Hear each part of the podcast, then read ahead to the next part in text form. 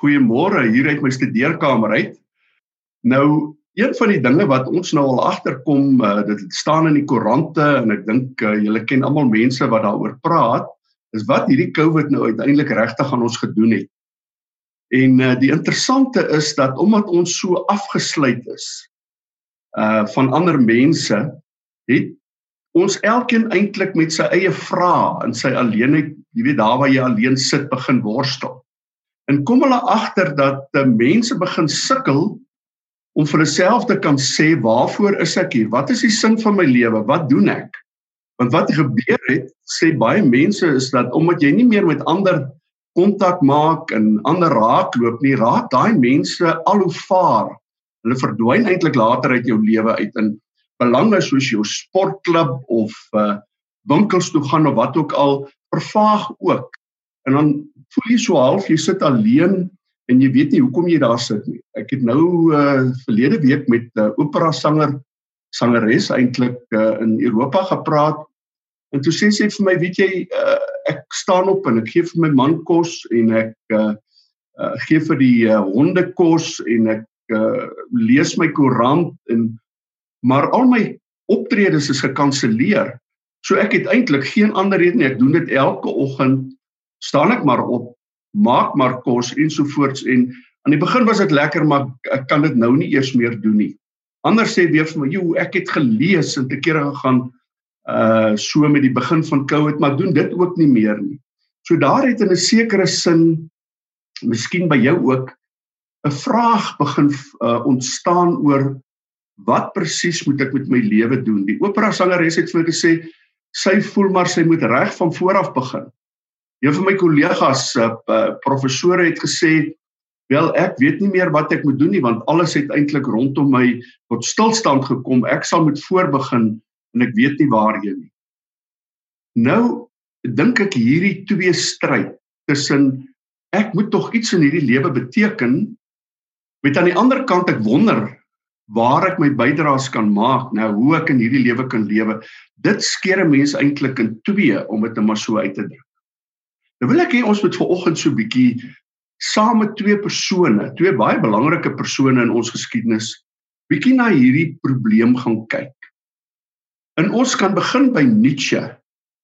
Nou Nietzsche was 'n baie beroemde filosoof wat in die 19de eeu geleef het. So hy so in 1844 gebore en sy pa was 'n literaanse dominee. En Luther het so in sy pa se huis van God geleer en uiteindelik is hy teologiese fakulteit toe om predikant te word soos sy pa.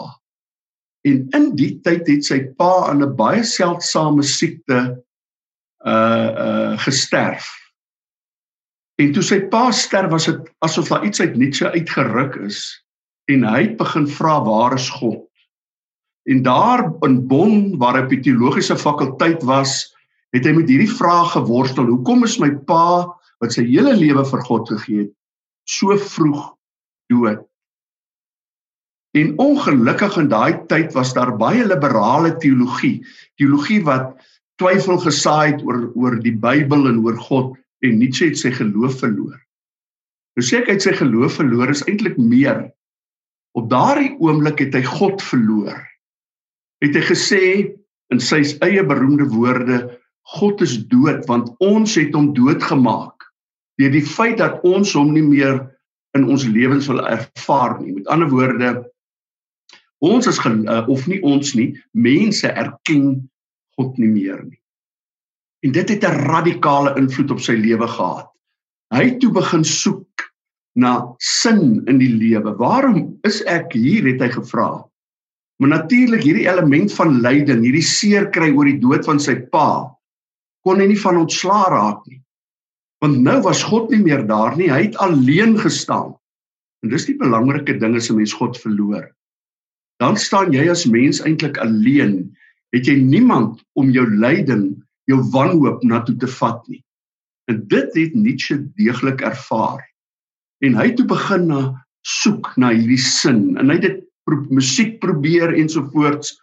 Maar uiteindelik het hy agtergekom as jy nie God het nie, as jy mens alleen, dan moet jy maar probeer om met dit wat jy het, waar jy lewe, hoe jy optree, moet jy maar vir jouself sinvol probeer maak. Moet jy sin soek. En hy het op die ou einde van sy lewe gesê, weet jy, 'n mens moet sin in jou lewe kry deur maar net alles te ervaar en amper soos 'n supermens deur hierdie lyding heen lewe na een of ander doel toe. So jou doel is uiteindelik net om in hierdie lewe te koop, om te kan oorleef. Nou het 'n uh, 'n uh, vriend van hom Schopenhauer het eintlik gesê jy moet maar net handdoek ingooi. En nou kry ons 'n ruk later eintlik Dorothy Sille wat gesê het God is dood en dit het 'n uh, aanleiding toe gegee daartoe dat Jean Paul Sartre, dis ook 'n Franse filosoof, uiteindelik gesê het maar ons lewens is soos iemand wat in 'n skuitjie sit. En hy sien voor hom die walms van die waterval, nê, hierdie wasem wat so opgaan. En hy sien die waterval kom al hoe nader, maar hy kan niks daaraan doen nie. Soos ons lewe, ons is op pad na die afgrond van niks toe nie. En al wat ons het is hierdie ou skuitjie met miskien uh, nou uh, gebruik ek maar 'n voorbeeld met miskien maar 'n bottel drank en dwelms of uh, plesiere of wat ook al. Ek moet maar my sin hier self rondom my skep tot ek van daai waterval afval.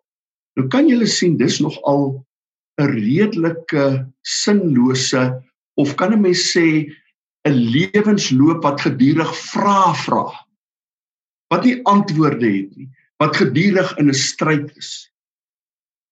Uh onnodig om te sê dat uh, Nietzsche op 44 jaar uh, heeltemal uh sy uh, uh soos ons nou in Afrikaans sê sy varkies verloor het. Hy's in 'n gestig waar hy uiteindelik later oorlede is opgeneem. So sy lewe het ook nie goed geëindig nie. Nou onthou ek toe ek 'n jong seun was het uh ons dominee eendag gesê Nietzsche het gesê God is dood dit het blykbaar teen 'n muur graffiti gestaan en uh, toe sê daaronder toe Nietzsche dood is, God sê Nietzsche is dood. Maar kom ons gaan na die tweede belangrike persoon toe. Hier met Nietzsche het ons gesien iemand wat met God begin het, maar vanweë krisis in sy lewe het hy God verloor en toe eintlik op soek geraak na sin in die lewe wat hy eintlik rondom en in homself moes vind. En hy kon dit uiteindelik nie vind nie. Maar kom ons gaan na Paulus toe. Paulus het bietjie 'n teenoorgestelde lewensloop. As ons na Paulus kyk, sien ons hy was 'n toegewyde Jood, maar sonder Jesus. Sonder die God van die heelal om dit so te stel, Jesus Christus en sy Vader. En nou lees ons en julle kan maar blaai na Filippense 3 toe. Uh ek gaan vir julle lees uh waar wat Paulus daar sê, hy sê ek kan baie spog oor my lewe as Jood.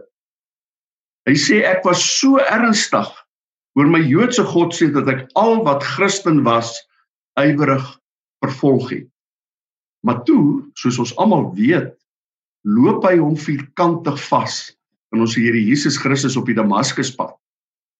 En daar gebeur iets hy ontmoet iemand en dis maar al wat daar gebeur het. Hy het in Jesus Christus vasgeloop. En skielik het daar in sy lewe iets gekom wat nie se verloor het. Hy het God in sy lewe ontdek.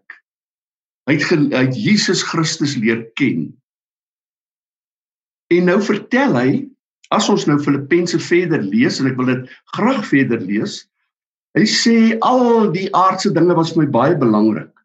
Maar weet julle, en ek lees dit uit die boodskap uit, vers 7 van Filippense 3. Weet julle, Christus het my oë laat oopgaan. Uh dit het uh, al hierdie ander dinge het vir my glad nie meer waarde nie. Dit het my laat besef dat al hierdie ander dinge eintlik niks in vergelyking daarmee is nie. Vandat my pad met Jesus in gekruis het, het die hele manier waarop ek na dinge kyk verander.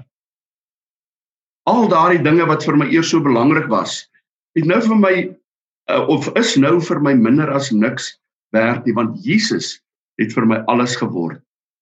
En nou sê hy Daarom het ek alles gelos vir hom. Wanneer God na my kyk, moet hy sien dat ek in 'n intieme verhouding met Jesus staan. Jesus het mos my saak met God reggemaak. En dit was uh, nie omdat ek so mooi na die wet geluister het nie, maar omdat ek Jesus vertrou. Vrede en goeie verhoudings tussen God en mens word ervaar deur almal wat in Jesus glo.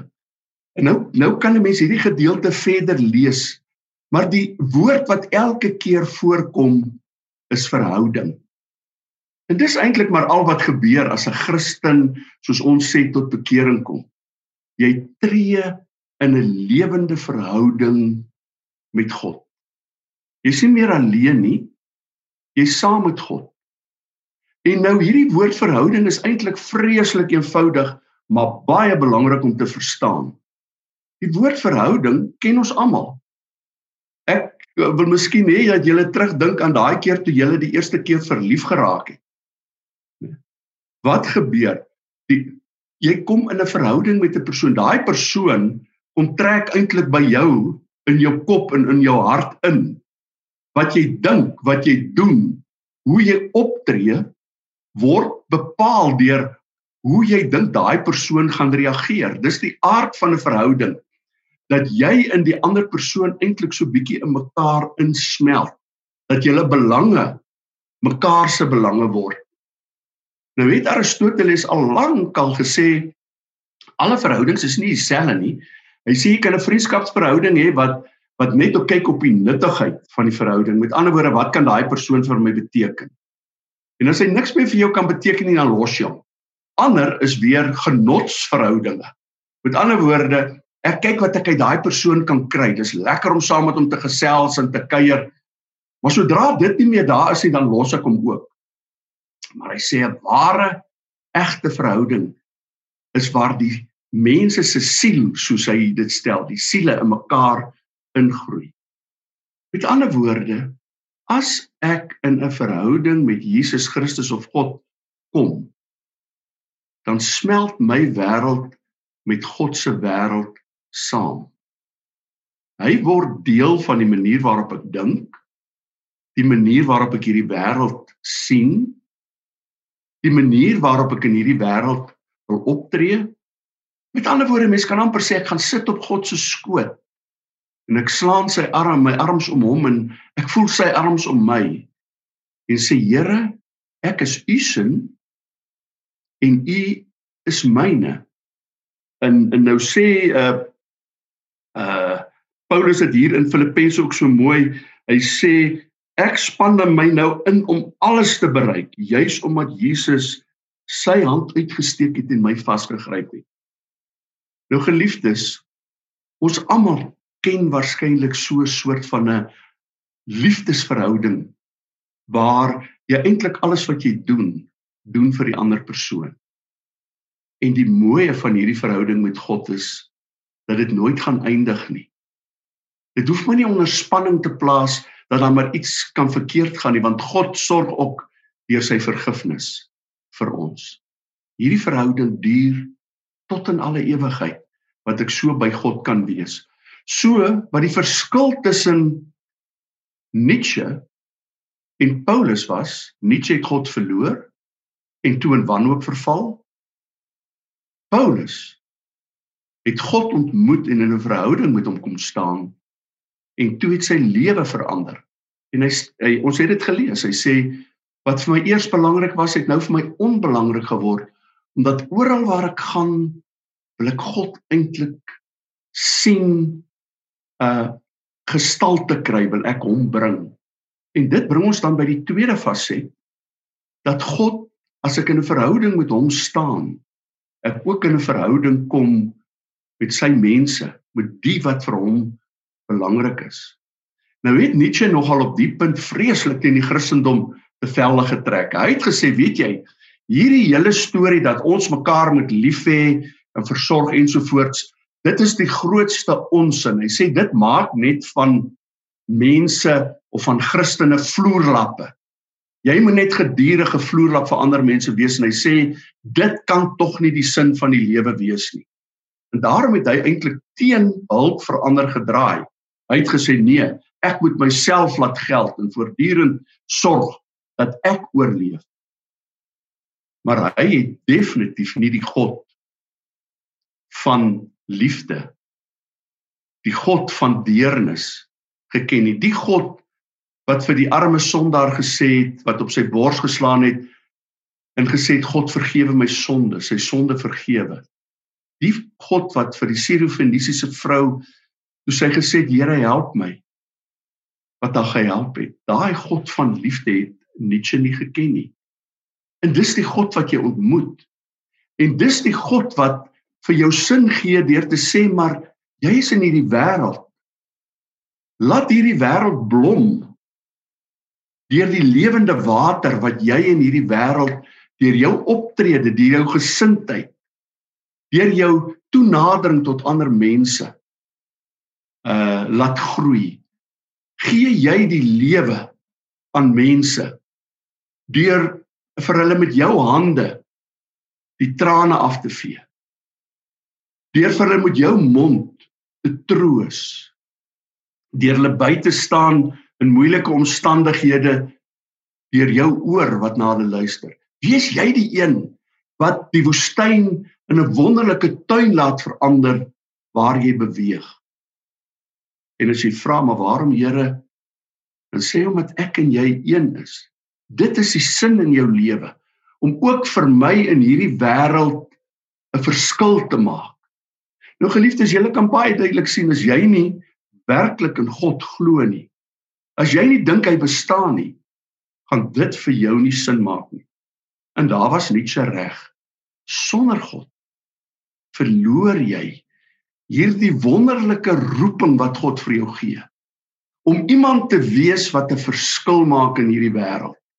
En as jy nou mooi kyk, dan uh, beklemtoon die Bybel dit telkens dat God eintlik vir ons as sy beeld in hierdie wêreld instuur dat ons soos hy moet gaan lyk. Maar nou moet ek net darm tussen hakies iets sê. Baie keer as die dominee so sê jy moet 'n verskil gaan maak, jy moet gaan help, jy moet arme armes gaan versorg en al die dinge, dan kry ons die idee dat 'n Christen so 'n soort van iemand daar eenkant is, né? By die werk drink jy nie saam met die ander koffie nie, jy staan eenkant met 'n heile op jou kop. As jy by die fabriek werk met jou masjiene, dan moet jy dit nou op 'n Christelike manier doen. Nee geliefdes, as ons mooi na die Nuwe Testament kyk, dan lees ons telkens dat Jesus sê ons is in hierdie wêreld. Ons doen gewone dinge, ons gaan koop soos gewone mense. Ons werk in fabrieke soos gewone mense. Ons is huisvrouens soos gewone mense. Maar waar kom die verskil dan? Hy sê nie ons ons moet 'n fabriek uh, in die fabriek werk soos jy weet nou op 'n spesifieke manier anders as die ander nie. Maar waar die verskil kom is in die manier waarop ons ander mense hanteer. Juis omdat God se belange God se siel, kan jy sê, sy Heilige Gees in ons in is en God deur ons by daai persoon wil uitkom. En dis die verskil in ons verhoudinge. Daar waar twee mense mekaar oog tot oog sien, daar speel ons Christendom af. Meer nog, Jesus stuur ons na plekke toe waar ons na mense van uh jy weet van oog tot oog kan gaan kyk deur hulle te help.